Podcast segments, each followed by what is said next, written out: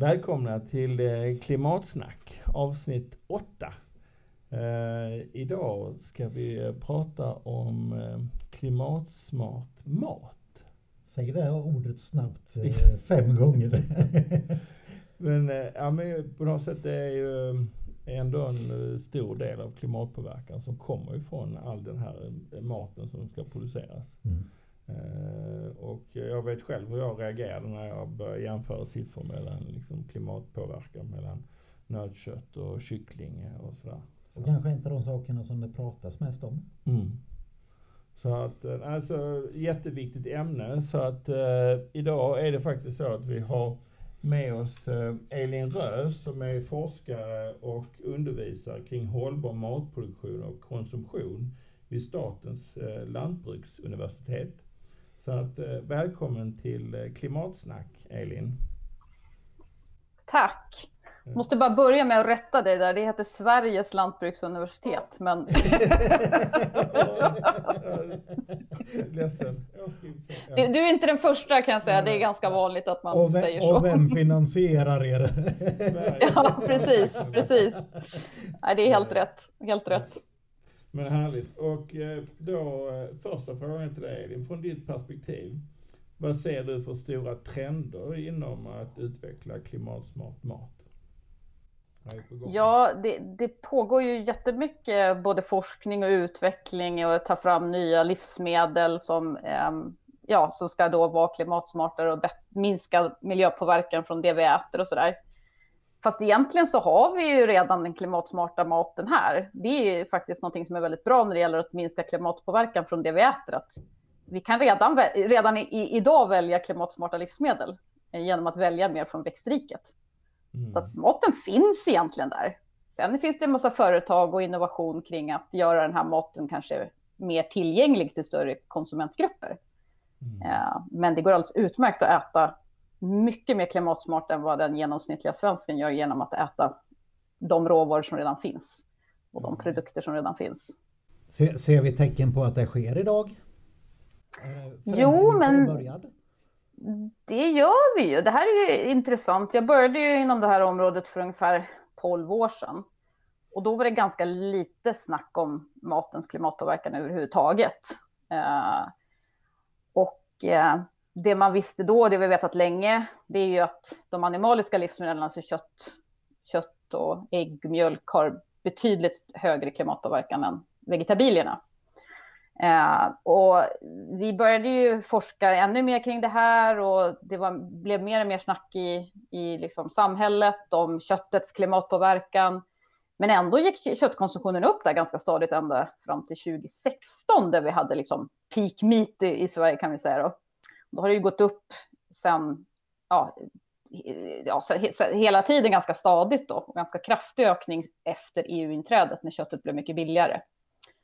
Eh, men 2016 där så, eller 2017 då, så för första året man hade en nedgång faktiskt. Och så dess har köttkonsumtionen sakta gått ner då i Sverige med några procent om året. Så att, eh, det, har, det tror jag nog man kan konstatera att, den, att det finns en mycket större medvetenhet och att, eh, att folk, att det finns ett väldigt intresse för mer att äta mer från växtriket då.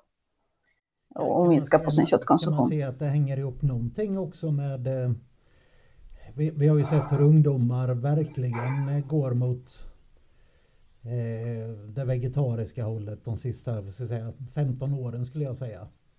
Mm. Är det någonting som, som går lite hand i hand? Har, har ja. påverkat föräldrarna? Ja, precis. Det där är en bra fråga.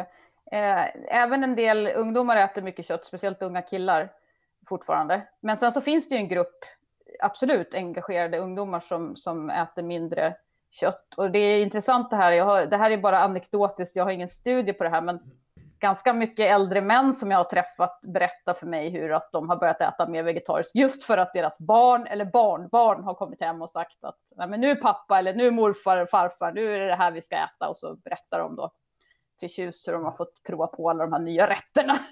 Så jag mm. tror att absolut att det, det, det finns en påverkan där när yngre generationer påverkar de äldre. Då. Mm. För vi är ju ofta ganska fast i våra matvanor. Det är ganska svårt att förändra det många gånger. Man, man vill äta som man är van att göra. Mm. Ja, så att, eh, där kan man nog behöva den där pushen från, från de yngre.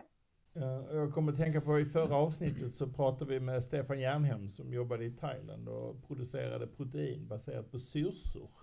Mm. Så på tal om eh, byta kost eller hitta nya matvanor. Hur, hur ser det mm. med det i Sverige och EU idag?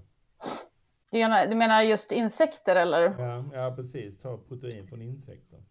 Ja, nej men det är väl inte, vi har ju ingen vana av att äta insekter här och många har väl någon slags äckelfaktor. Eh, vi äter ju kräftor gladeligen, så det här är ju väldigt intressant mm. hur kulturellt betingat det är.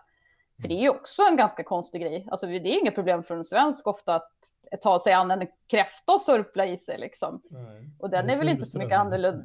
Ja, precis. Och den är väl inte, men den kräftan är väl inte så mycket annorlunda än, än äta en gräshoppa liksom rent. Där har vi också alla ben och allting kvar. Då. Så det är väldigt kulturellt betingat och vi har ju inte den kulturen att äta insekter här. Vi kan säkert lära oss det om det kommer någon, någon, någon, någon, någon influencer och säger åt oss att göra det. Men det är också lite intressant att vi behöver ju inte nya proteinkällor så, utan protein finns det ju i både spannmål, alltså våra vanliga spannmål, vete, havre, råg.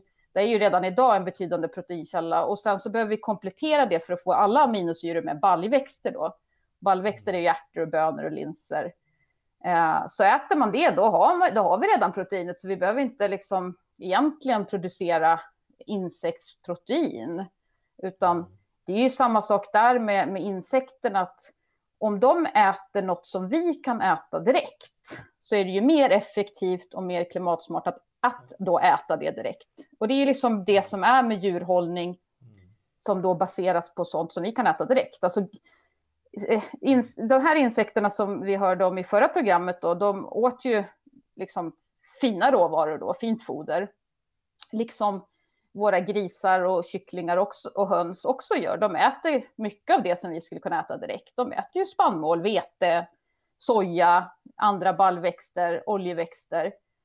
Och då, i och med att det går mycket förlorat i deras metabolism då, när de ska leva och hålla sig varma och röra sig och det hamnar i ben och det hamnar i, i, i hud och det hamnar i blod som vi kanske inte äter, eh, så då, då är det ju alltid mycket mer effektivt och klimatsmart att äta vegetabilierna direkt. Och det är egentligen samma resonemang med insekterna. Sen är det ju så att olika djurslag är liksom olika, olika bra på att omvandla foder till något som vi kan äta. Och då hörde vi att syrsorna där, jag kommer inte ihåg den exakta siffran, men jag tror att det var kanske att de krävde 1,7 kilo foder för att producera ett kilo syrsor då. Mm, mm. Så det är ju ganska effektivt om man jämför med andra djurslag. Och också att man kan äta hela syrsan. För vi, på en gris äter vi inte hela grisen och vi äter inte hela kycklingen och, och så vidare. Så att, um, på så sätt, om man jämför djurslagen så är insekterna liksom klimatsmartast. Ja, det var, Men det skulle vara ännu mer klimatsmart att äta deras foder direkt. Mm, mm. Ja, precis. Allting är relativt. Så det är ja, precis. precis, precis. Men sen tror jag också så här att man ska inte, man ska, jag tror att, att det, finns så, det finns plats för många olika typer av livsmedel och lösningar. Och att det är bra att ha många olika alternativ och inte liksom bara satsa på en lösning. Eh, så att, det finns säkert någon, en, en, en liten plats för, för insekter i, i kosten framöver, men det är inte så att den lösningen kommer att ja, vara den avgörande eller att det kommer, tror jag, bli någon, någon stor del av kosten framöver, utan den behöver vara i, i, i stort sett växtbaserat. Då. Mm. Men sen tolkar jag det också som att ofta så är det det att det görs till pulver så att det kommer in som proteinpulver i någonting annat man äter så att det inte är så att man behöver äta insekterna. Nej, precis. precis. Men då är ju frågan, kan inte den, de näringsämnena komma in direkt från växterna? Eh, det blir effektivare, men å andra sidan kan det finnas näringsämnen som, eh, som djuret då, eh, ja, men som, som då skapas i djuret, eller, eller till exempel fett. Så att ja, det, det, det kan absolut finnas en, en, en, en plats för det också. Men hur, hur ser den svenska produktionen ut om, om vi ställer om mot mer vegetabiliskt och vegetariskt? Klarar Sverige av produktionen eller kommer vi behöva öka importen av baljväxter, spannmål? Nej, vi har gjort sådana här framtidsscenarier för hur vi skulle kunna föda den svenska befolkningen på, på mat producerad i Sverige. Eh, och det går alldeles utmärkt. Man frigör ju så mycket arealer om man drar ner på eh, djurfoder. För att idag så använder vi ungefär 75 procent av svenska åkermarken till djurfoder. Så drar man ner på animalieproduktionen så har man ju jättemycket mark att odla annat på. Eh, så att det, det, det går alldeles utmärkt. Sen är det vissa produkter som är svåra att producera i Sverige som vi redan idag importerar. Alltså kaffe, te, vill vi fortsätta äta bananer? Och det, det, det kommer ju alltid vara svårt, men det är ju det är sånt vi importerar redan idag. Eh, sen kommer det vara lite kanske andra typer av baljväxter än vad vi är vana vid att äta. Som, något som kan vara lite svårt att odla i Sverige, det är ju kikärtor till exempel. Soja är också inte så bra, eller inte så lätt att odla här med tanke på att vi har en ganska kort växtsäsong. Men då finns det andra baljväxter som passar bättre här. Vi har någonting som heter gråärta som är ganska likt kik, kikärta. Vi kan odla mer eh, eller äta mer av den här åkerbönan som vi redan idag odlar eh, till foder. Vi kan äta, göra mycket mer med gula ärtor än bara det här tråkiga ärtsoppa. Som, nu gillar jag i och för sig ärtsoppa, men man kan göra mycket, mycket mer med, med eh, den gula ärtan till exempel. Så det, eh, det, det, går alldeles utmärkt att, att föda oss. Men sen är det ju så här att när vi, det som är med maten också man, och, och, klimatpåverkan för maten och hur vi ska tänka framöver så måste vi titta på fler saker, inte bara klimatpåverkan. För att skulle vi liksom bara styra livsmedelssystemet efter klimat så skulle det ju vara, ja men låt oss bara producera vete, eh, gula ärtor och lite vitkål så vi får i oss lite C-vitamin. Så skulle det vara det effektivaste.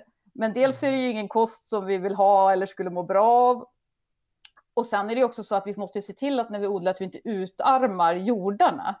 Så vi vill inte bara odla de här ettåriga grödorna år efter år, utan vi vill ha en del gräs eller vall som det heter i växtföljderna eh, för att se till att, till att eh, behålla markbördighet och så där. Så att eh, det, det, finns liksom flera pusselbitar man måste lägga ihop här när man tänker på hur man ska utforma liksom smarta odlingssystem. Men ibland så, så hör man det här, men hur ska vi kunna liksom producera mer växtbaserad mat om vi, inte, om vi ska dra ner på köttet. Men det är det att man frigör ju så mycket arealer just när man, eh, om man då skär ner på animalieproduktionen. Ja.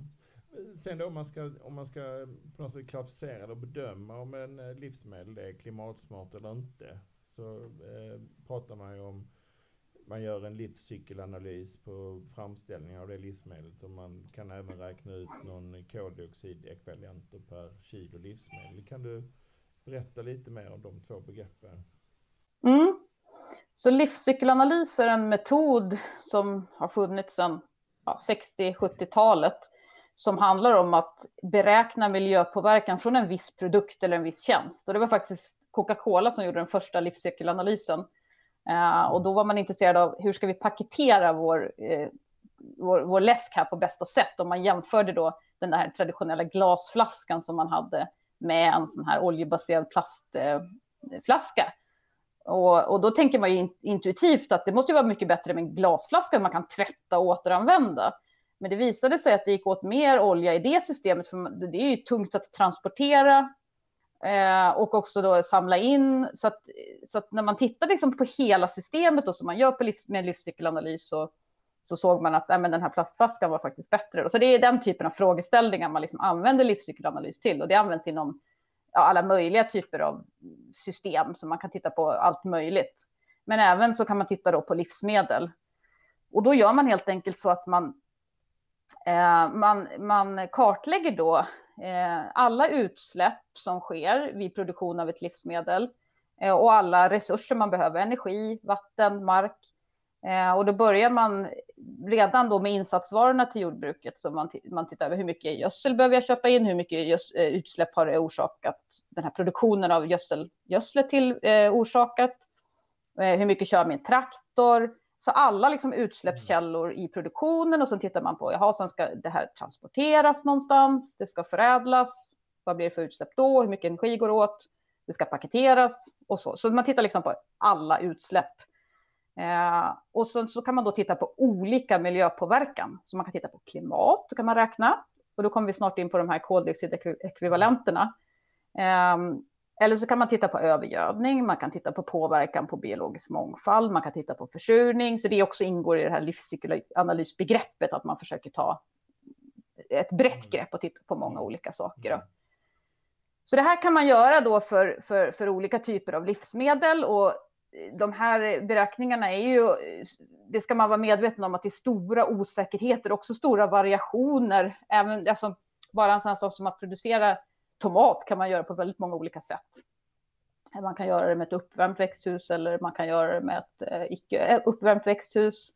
Man kan göra det på friland och det får väldigt olika resultat. Så det är stora variationer och också stora osäkerheter för att när det gäller utsläpp från jordbruket så skiljer det sig lite grann, för där är de stora utsläppskällorna metan och lustgas och inte koldioxid som det är inom alla andra sektorer. Utan det är metanet och lustgasen som är de stora källorna och de är ju, det är biologiska eh, utsläpp eller källor till dem som är ganska svåra att mäta. Du kan inte liksom, om du tänker en skorsten, då kan du liksom mäta utsläppen från en fabrik, men, men från en åker, det är betydligt svårare. Du kan mäta, men det är väldigt eh, kostsamt, så att man, man använder ofta modeller och modellerar de här utsläppen. Då. Eh, så det, det, ska man veta att det är. Men, men man kan ändå få en, en, en, ganska bra känsla för storleksordning på saker och ting. Då. Så kan man ju identifiera förbättringspotential och sådär. Då. Får jag bara avbryta en sekund? Mm. Eh, var kommer eh, lustgasen in i bilden och hur uppstår den? Ja, bra fråga. Det här är ganska okänt tror jag. Och det är ju att eh, när man, lustgas är en kväveförening och det är precis samma lustgas som man andas på förlossning och sådär. Eh, men när man, när, man har, när man gödslar då på åkrarna som man behöver göra för att det ska växa, då, då gödslar man ju med kväve och fosfor och andra näringsämnen, men, men kväve är ju den stora. Och när det finns kväve i såna här i jord och med, med bakterier och så vidare så kommer eh, den här kvävet kommer omvandlas mellan olika former och som en biprodukt i det så uppstår det lustgas. Och det är en helt liksom, naturlig biologisk process, pågår överallt där man har liksom, jord, eh, organiskt material, eh, kväve och bakterier. Eh, och, eh, men det blir då mycket mer när man lägger på mycket gödsel som man gör när man odlar, eftersom annars så vi måste gödsla eh, för att det ska växa. Så den här lustgasen är liksom eh, tillsammans med metanet då eh, den, en av de största källorna från jordbruket. Och det är en väldigt kraftig växthusgas. Eh, ett kilo lustgas under en hundraårsperiod värmer liksom 300 gånger mer än ett kilo koldioxid. Så att även om det inte är så stora utsläpp så har det en stor klimatpåverkan. Då. Mm. Och sen kommer också en del sån här lustgas från gödselhantering. Så att när, det är samma, samma process som du har då massa stallgödsel som ligger och, eh, ja, på en, i en gödselstack så får du också en del lustgas där. Och sen så får man också lustgas från produktion av eh, konstgödsel. Så när man producerar konstgödsel i en fabrik så är det också en del lustgasutsläpp från det. Så det är liksom de källorna då. Mm. Eh, och då förstår man ju själv att det här, eller det är lätt, lätt att förstå att det här är dels svårt att mäta och dels svårt att kontrollera. Man kan, man kan minska på de här lustgasutsläppen genom att vara mer försiktig med sitt kväve, att man liksom gödslar precis när växterna tar upp det så att det inte blir massa fritt kväve i marken som kan då avgå som lustgas. Och att man ser till att, att man har bra odlingsförutsättningar och sådär. Men, men det är ändå svårt att veta när man får de här äh, lustgasutsläppen och det, ja, så det, det, det är en stor och viktig källa men som är svår att med någon slags teknik helt äh, eliminera. Mm. Men just då inom äh, nötköttsproduktion och i och med mycket kommer då från när de går och betar och släpper ut de här gaserna då. Hur, om man tittar på ur ett klimatperspektiv just med eh, kött som är producerat utomlands och att det ska transporteras från Brasilien till Sverige eller från, mm. från Holland till Sverige. Hur stor del har egentligen transporten i detta klimatpåverkan? Ja, när det gäller nötköttet så har transporten jätteliten betydelse. Um, det, det, har nästan, det är nästan obetydande, obetydande för, för just nötköttet, för där är utsläppen i sig så stora. Då. Utan det som avgör, för, för nötköttet då säger så här att där är den stora källan metan, som är också en kraftig mm. växthusgas. Eh, och det är ju i, när korna bryter ner cellulosan i fodret i sina, sin fantastiska mage, för då är det enda djur som kan faktiskt äta något som vi inte kan äta. De äter ju, inte, de äter ju stor mängd av, av grovfoder, alltså gräs och annat som inte vi kan äta. Men då får man ju den här metangasen som en biprodukt då, kan man säga. Och de andas ut den här. Och då, då blir liksom de här idissla produkterna, nötkött, lammkött, ost, som är ju koncentrerad mjölk, eh, får ju då en betydligt högre klimatpåverkan än an, annat kött och mycket, mycket högre än vegetabilierna. Då. Och då, det som avgör hur stor, stora de utsläppen blir, det är ju liksom då hur, hur länge djuret eh, lever innan slakt. För att då, ju längre det lever, desto mer metan hinner det släppa ut under sin livstid. Då.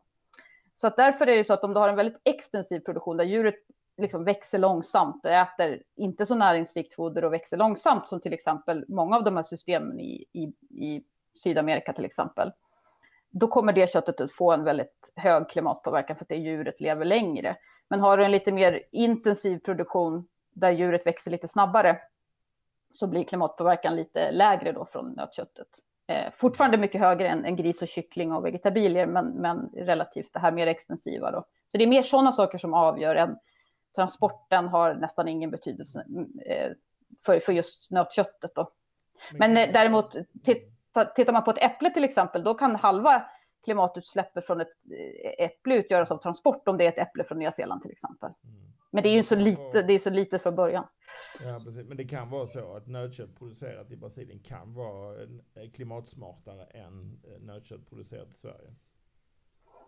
Ja, rent teoretiskt kan det ju vara så om de har då djur som växer snabbt där också. Men, men just, just i de länderna så har man ofta lite extensivare produktion, mycket betesbaserad produktion och sådär. Mm. Eh, så att där, där är ofta de här europeiska systemen mer klimatsmartare. Men sen så en annan sak där, för det här, det här är viktigt tycker jag. Eh, det är ju återigen det här vad djuren äter och vilka resurser de gör av med och vad de konkurrerar med. För tittar man på, på vad vi har för jordbruksmark globalt så är ungefär, eh, det, det är ungefär 1,5 miljarder hektar åkermark, ungefär 3,4 miljarder hektar betesmark. Så globalt har vi mycket mer betesmark än vad vi har åkermark. Och betesmark, eh, en del av den, den lämpar sig inte till annan livsmedelsproduktion. Alltså den lämpar sig inte till att plöja upp. Det kanske är för torrt, det är för blött, det finns, kan finnas biologiska värden i den här marken. Så att den liksom lämpar sig inte för odling och då är ju enda sättet att producera mat på den, det är att ha betande djur.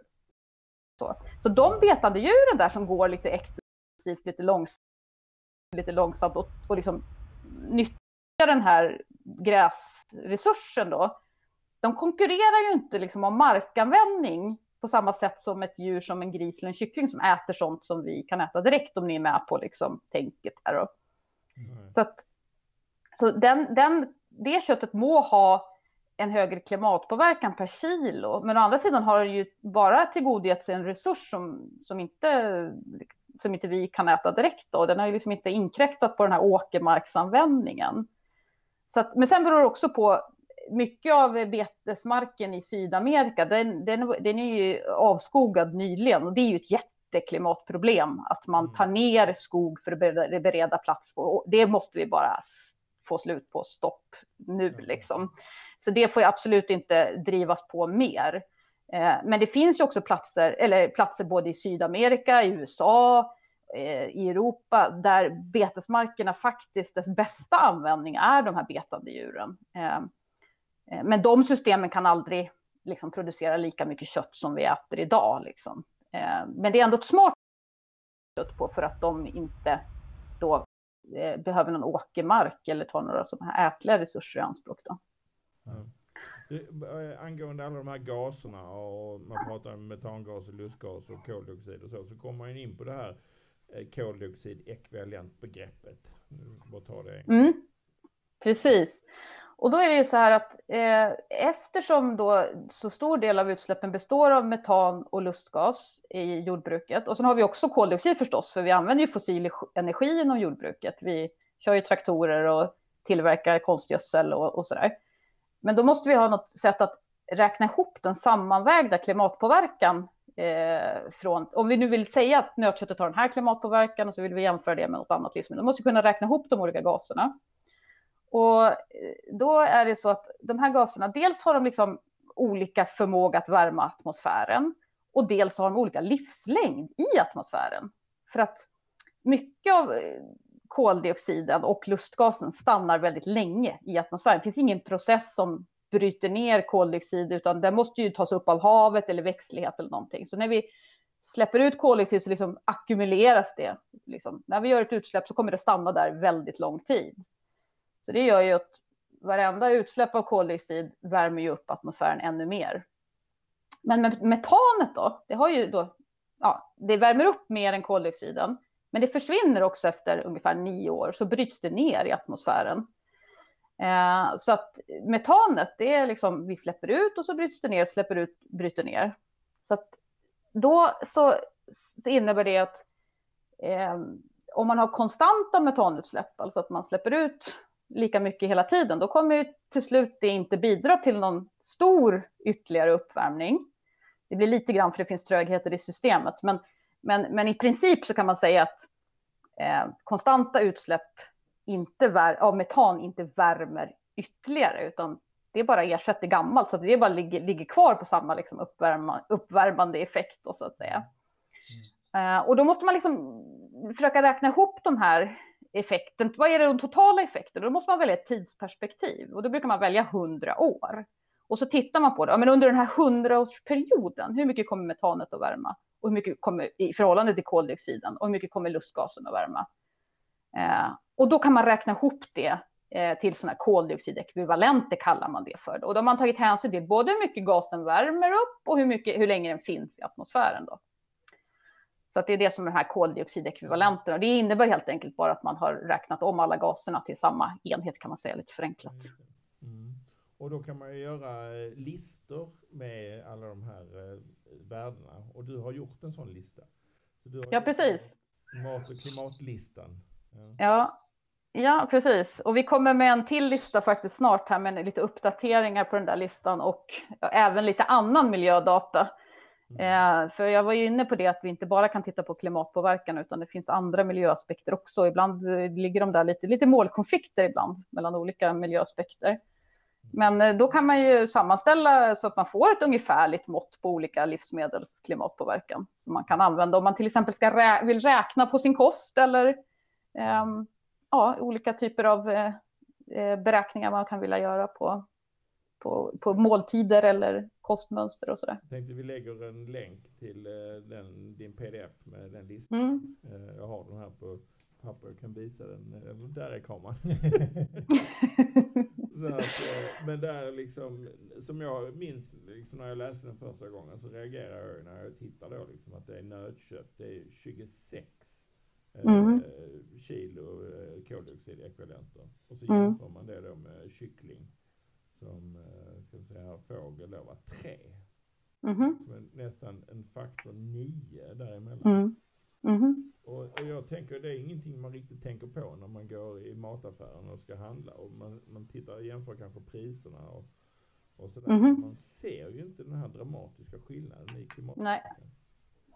Nej, alltså det där är liksom, det, ja, det är lite både och på de här siffrorna tycker jag. jag tycker att det är, för att det blir, nu är det så här, nu har vi börjat att räkna på klimat för att det, det dels är det ju en jätte, jätteviktig fråga förstås och det, är, det är liksom där metodiken är mest utvecklad.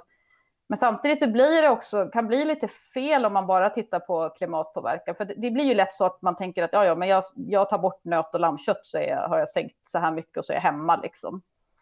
Men, men, men det är ju även så att liksom kycklingen och grisen är ju, om du tittar på baljväxterna där, liksom, så ligger de, alltså kycklingen och grisen ligger fortfarande flera gånger över baljväxterna. Baljväxterna är 0,7, ja precis. Ja, precis. Och sen är det ju så att, som jag var inne på tidigare, det här med att de här, som de kallas då enkelmagade djuren, de som bara har ett, en mage, grisarna och kycklingarna, hönsen, eh, de äter ju sånt som vi kan äta direkt. Eh, så att eh, det, det, är liksom, det, det, det, är de här systemaspekterna som inte liksom kommer fram i de där siffrorna.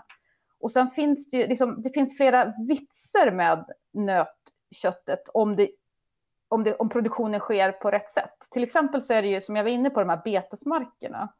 Så har vi även i Sverige sådana här naturbetesmarker, som det heter. Då. Jag vet inte, har ni hört det begreppet av, eh, överhuvudtaget? Eller? Ja, det har ni hört.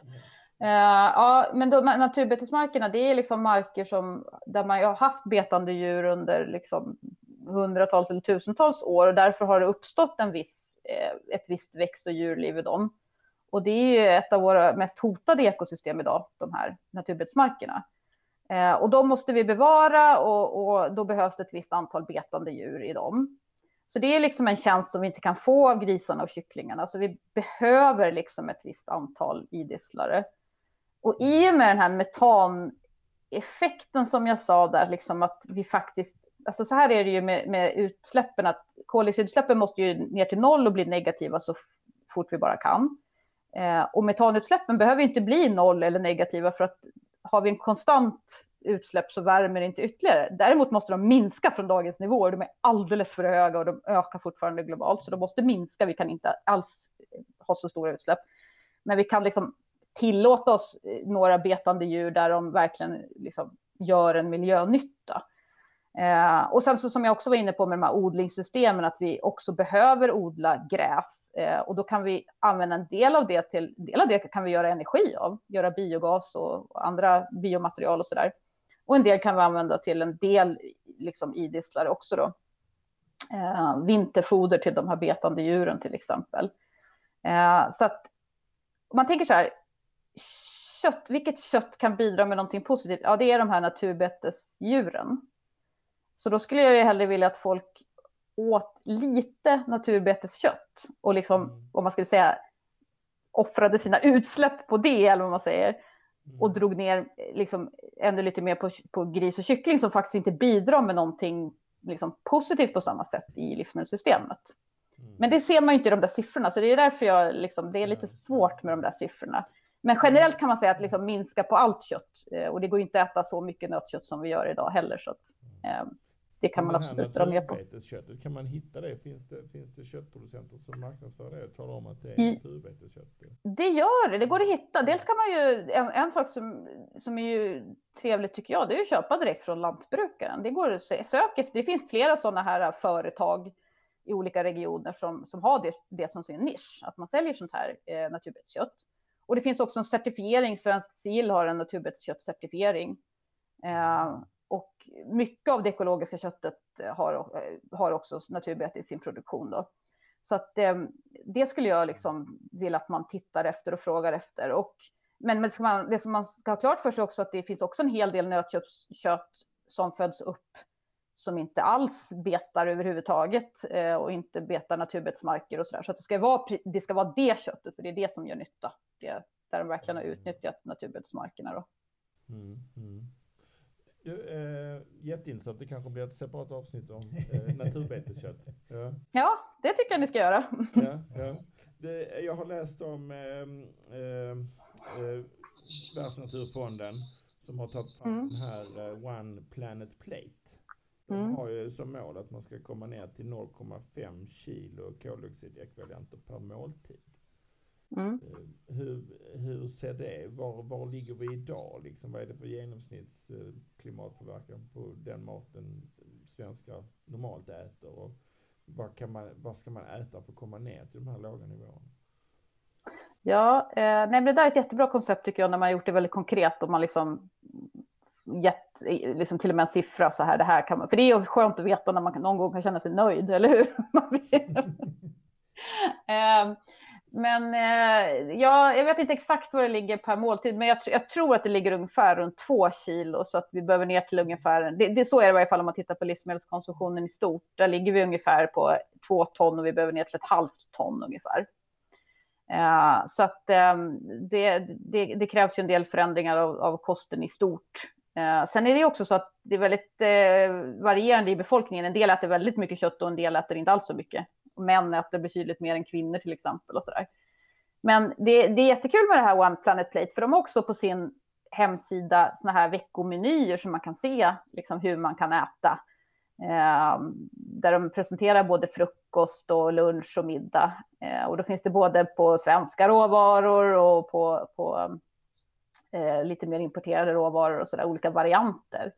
Eh, så att eh, det, det, är väldigt god mat tycker jag. Det handlar ju mycket om att byta ut en, en, en stor del av köttet till vegetabilier. Men det finns fortfarande liksom eh, naturbetesbiff här på den här menyn som jag tittar på nu. Och det finns, ehm, eh, ska vi se vad såg jag, det fanns omelett här med getost och eh, ja, det finns med, med en del griskött här och så. Så det är liksom en, en, en, en meny med um, mycket vegetariska rätter men en del kött då och då. Så, där. Um, ehm, så kan man komma ner i de här nivåerna. Men då får man liksom tänka att de här köttmåltiderna, eh, de kan vara svåra att komma ner i, i 0,5 men, men att man kan se det som att man kan, man kan ju äta kött några gånger och sen får man kompensera med några måltider som kanske bara hamnar på 0,2 eller 0,3 så man får ett snitt över veckan. Sådär.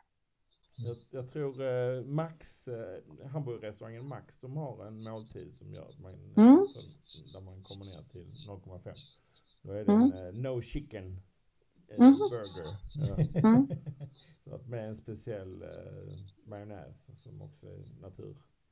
Mm. Smart producerat och så. så att, mm. Eh, men det, det, är ett jättebra tips eh, om folk då lyssnar och de vill äta klimatsmart. Så, eh, jag kan också tipsa om någonting som jag, för att jag är själv, själv väldigt dålig på att laga mat.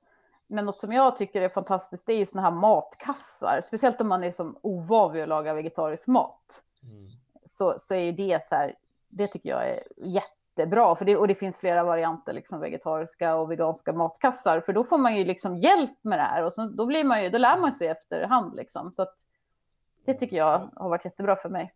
Precis, så att man pratar klimatsmart så att om man bara går på det ekologiska och veganska så kan man känna sig hyfsat klimatsmart på det då liksom.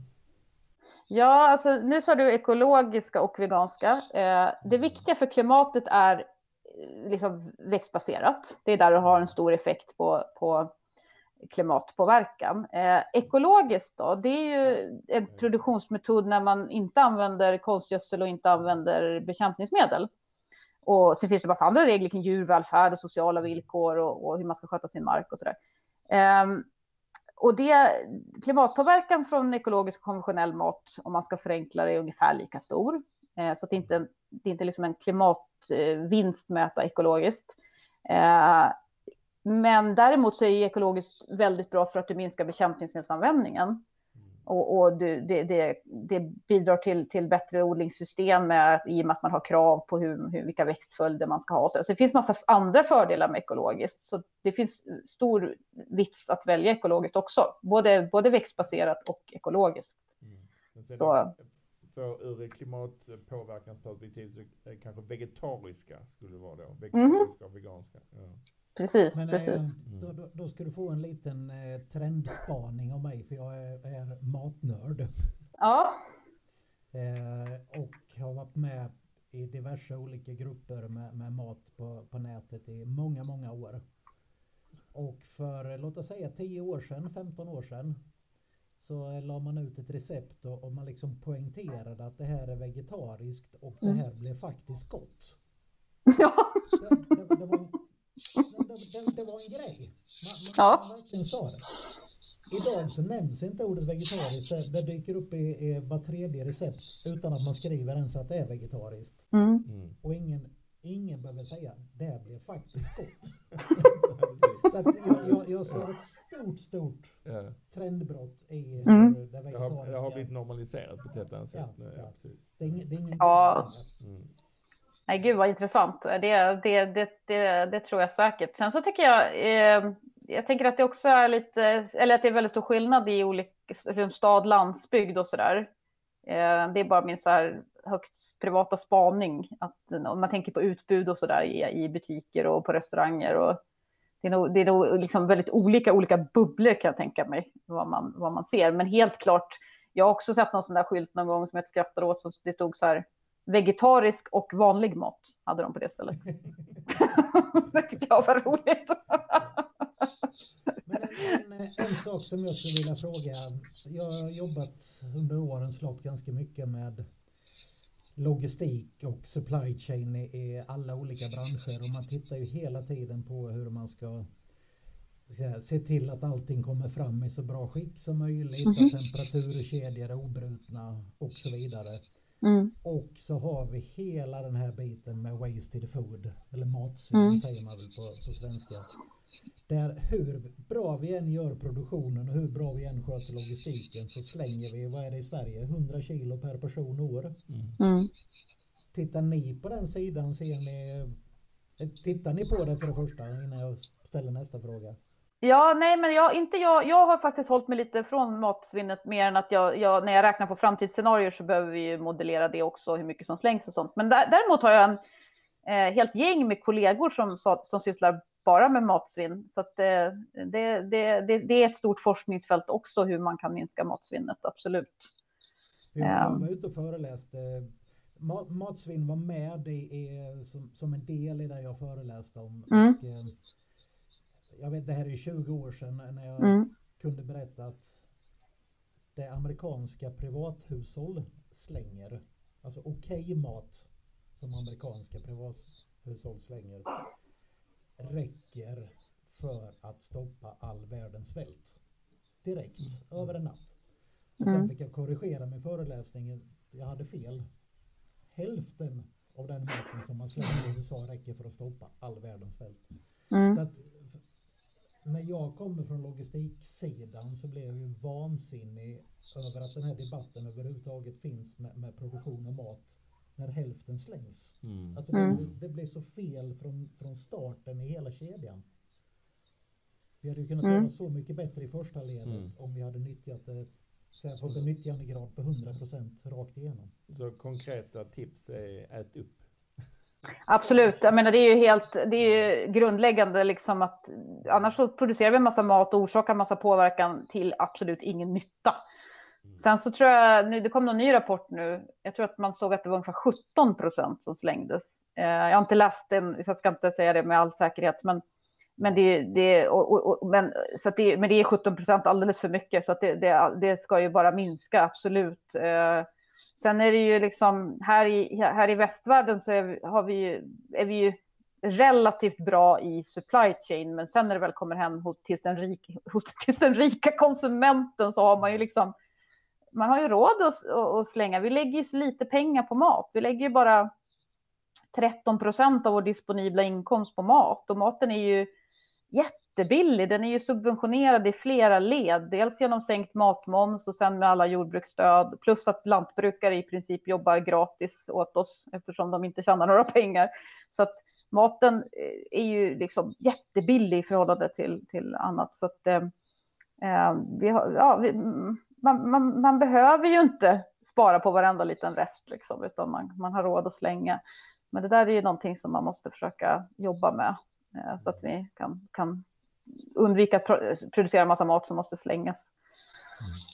En, an, bara en annan sån konkret grej, eller det vi pratade om innan var ju att om man nu ska äta och få i sig vitaminer och proteiner och så vidare, om man då kan äta det direkt själv, mm. än att det ska behöva mm. gå genom ett djur och sen äta djuret. Alltså det, det känns ju så logiskt och liksom klokt så att, att man börjar tänka lite så.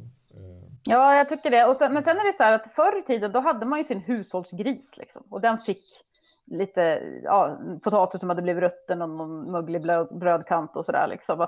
och, och då det ju, blir det ju ett smart sätt att producera livsmedel via, med, med, hjälp av djuren om de kan äta resurser som inte vi kan äta. Mm. Liksom. Mm. Men som det har utvecklats de nu. De har förädlat dem. Precis, precis. Och det är samma sak med den här gräsbiomassan som om idisslarna äter gräs som inte vi kan äta, då, då, mm. då kan det helt plötsligt bli ett smart sätt att producera livsmedel. Eh, men, men, idag så är det ju så att då har utvecklingen gått till, till att man utfodrar idisslar med betydande mängder spannmål och soja och alltså sånt som vi kan äta direkt. Alltså hälften av en konventionell mjölkkos foderstat är sånt som vi kan äta direkt. Um, med, och, och, just gris och kyckling, där har man ju också, de utfodrar man också med prima råvara många gånger. Liksom. Sen finns det ju en del, eh, ibland då när man odlar spannmål som kanske inte når upp till livsmedelskvalitet och sådär. Men det beror många gånger på att vi har ganska höga krav på att vi vill ha höga proteinhalter i, i, i våra spannmål när vi ska baka vitt fluffigt bröd och sådär. Så att det, det, det, det, där, det där tycker jag är en, en bra, så här, som du säger, liksom, sammanfattar det så att liksom, försöka hela tiden äta så, så långt ner i den här näringspyramiden som möjligt, eh, är, då, då, då, sparar vi jättemycket utsläpp. Eh, och vi frigör också jättemycket mark som vi kan använda till att, eh, ja, kanske inte i Sverige, i Sverige vill vi nog ha den jordbruksmark vi har eftersom vi har så lite och har så mycket skog, men i andra delar av världen så kan vi frigöra arealer från djurproduktion så har vi också massa mark vi kan plantera träd på för att suga in koldioxid igen. Ja, eller sätta solceller på. Så. Ja, så att... Eh, mm. Så att, och bara en sån liten avslutande fråga, eller kanske inte sista fråga, men just det här, har du tips på, eller har du någon egen sån här favoritmåltid som är lite klimatsmart? Ja, alltså dels är jag dålig på att laga mat och dels är jag också helt okräsen. Så att jag mm. gillar ju såna här grejer som så här ärtsoppa på tub liksom. du vet, bara ta in i en tallrik, sätta på mikron. Eh, men sen tycker jag också att jag tycker att det är roligt nu med de här, eh, alltså när, många gånger när, när, man pratar så här, ja men nu ska vi äta mer växtbaserat och vegetarisk mat och sånt där, så, så, är, det, så är det många som tänker på de här eh, impossible burger och, och de här väldigt lite mer processade high-tech-produkterna. Och de, de, har också sin plats, tycker jag, absolut, för, en, för, att, för att tilltala en del köttätare och så där. Så ska, det, det, finns absolut utrymme för dem. Men det jag tycker är roligt nu som kommer också, det är ju de här växtbaserade produkterna som inte är så eh, förädlade och gjorda på svenska råvaror. Eh, och det, nu ska jag inte göra reklam för några speciella produkter, men det finns på alla de här uh, kedjorna. Det finns en färs som är gjord på svenska eh, baljväxter där man i princip bara har, har liksom kokat och, och, mixat dem och så, så, kan du ha den här färsen och du kan göra lasagne och du kan göra alla tacos och du kan göra allt det här. Och det finns liksom eh, sådana här typ eh, falafel-liknande grönsaksbollar men som är gjorda på svenska råvaror. Eh, och det finns en fermenterad burgare som är gjord på gul ärta, tror jag det är svenskt, där man liksom har, har gjort sån här tempe som är som en, ja det blir som en, som en som burgare. Det finns liksom massa sådana där roliga produkter som jag tänker också, jag önskar att folk kunde upptäcka. Så att, eh, så att det här, den här om, omställningen också, vi kan också liksom basera den på, på, på de här svenska råvarorna och göra mycket mer av de här svenska råvarorna som vi har. Vi har ju fantastiska bra hållbart producerade vegetabilier i Sverige som vi, kan, som vi borde göra mycket mer av. Jag gillar ju verkligen falafel. Så det är ju mm. mm. mm. Att, eh, eh, nej men toppen, någonting annat som vi ska passa på att fråga Elin eller har du någon, någonting annat du vill tillägga Elin? Mm. Ja, jag tyckte det var jätteintressant. Det, det är ju egentligen ett eh, annat avsnitt men eh, jag är intresserad av eh, jag har ju sett att eh, Lantbrukarnas riksförbund har börjat agera ganska kraftfullt med att få in GMO i, i svensk. De vill ändra de hårdare svenska reglerna. Men det, det kanske är ett annat avsnitt. Mm. Ja, jag har inte så mycket att säga om det, eh, så det är nog bra att prata med någon annan. det finns ju forskare också som håller på med det, som säkert pratar eh, så det är spännande. Men min, min avslutande fråga skulle väl vara hur du uppfattar att svenska jordbrukare, lantbrukare ser på hela den diskussionen som vi har haft här nu. Är de framåt och positiva eller är de konservativa och tycker att det, det, det här blir jobbigt? Ja, alltså jag skulle nog säga att det finns alla sorter. Eh, jag jobbar med en del unga lantbrukare som är liksom jättepå och jag lär mig jättemycket. De är liksom helt fantastiska med att förstå den här komplexiteten. De har själva djur. Eh, man kan prata med de här, om de här sakerna på ett jättebra sätt. Och många av dem tänker så här att, att istället kanske för att intensifiera sin djurproduktion ännu mer, liksom mer gå åt det här hållet. Men jag, jag behåller mina kor eller mina får, men jag utfodrar dem i större utsträckning med sånt som inte människor kan äta. Så kan jag istället för att odla massa spannmål och baljväxter och oljeväxter till foder så kan jag sälja det till humankonsumtion. Och då blir det ju ett mycket smartare system liksom. Och de kan föda mycket mer människor till ett mycket lägre klimatkostnad och sådär. Så att eh, det tycker jag är spännande. Sen är ju inte våra jordbrukssystem och stödsystem och sådär direkt kanske alltid designade för att stödja en sån där utveckling. Men, men eh, sen är det också så att det är också så att det kan, vara, det, det, kan upplevas ganska hotfullt med den här debatten om eh, minst, behovet av att minska köttkonsumtionen. Och det har jag liksom full förståelse för. Och jag tror att många lantbrukare uppfattar det som att allting skylls på korna. För du, någon av er tror jag sa att vi kanske inte pratar så mycket om maten. Jag tror det är väldigt mycket också vilken bubbla man, man sitter i. Liksom. Och jag har också uppfattningen att vi har inte pratat så mycket om maten och det finns inga liksom, styrmedel eller eh, skatter eller någonting sånt på jordbrukets utsläpp som det ju finns på, i, på energi. Där har vi ju energiskatt och vi har koldioxidskatt och så vidare. Så det finns, ja. men, men, men jag tror att många uppfattar det som att, man, att många ändå liksom skyller hela klimatkrisen på korna. Och, och det, jag kan absolut förstå det och jag kan absolut förstå den liksom frustration som man då känner. Liksom, att okay, det är faktiskt de fossila bränslena som står för den stora majoriteten av utsläppen. Varför är det mina kor som de ska hacka på? Mm, liksom? Mm, mm. Uh, oftast, oftast är ju kritiken lite hånfull också med ja. fisande kor och liksom, Ja, precis. Och, och många... nästan är Ja, många gånger kanske de här korna liksom bidrar med de här andra miljönyttorna som att beta naturbetesmark och omvandla grovfoder till, till liksom kött och mjölk och sådär. Och man har, har liksom vuxit upp på den här gården och det går tillbaka många generationer. Och det, det är ju, man, man, man känner sig ju en, en väldigt stark identitet med, med den här produktionen och sådär. Så att det, jag har liksom full förståelse för det. Eh, och, och sen har det också att göra med jordbrukets otroligt dåliga lönsamhet. Och det här tror jag inte heller att folk förstår, liksom, att hur många jordbrukare som, som jobbar och egentligen får de nästan ingen lön, alltså, utan det går bara runt och, och, sin lön, det får man, då får man köra snö på vintern eller så får man ta, ta liksom, ytterligare ett lån på sin mark, för det kan man göra för markpriserna stiger och man får ta ner skog och, och, och, och så vidare liksom för att eh, livnära sig. Och, och då så, när man redan liksom lever med de här ekonomiska villkoren och sen kommer någon och säger att ja, du, dina kor är världens största klimatproblem. Liksom. Då, då, mm. jag förstår att man, att man blir, liksom, känner sig hotad och sådär. Mm. Så det är viktigt tycker jag att, att vi har med oss lantbrukarna i den här omställningen och också skapar möjligheter för svenska lantbrukare att vara med i omställningen. Och sen är det inte säkert så att svenska kor nödvändigtvis behöver minska så väldigt mycket för att eh, vi importerar ju 50 procent av nötköttet som det ser ut idag. Så vi skulle ju lugnt kunna minska nötköttskonsumtionen med 50 procent om vi börjar med det importerade. Mm.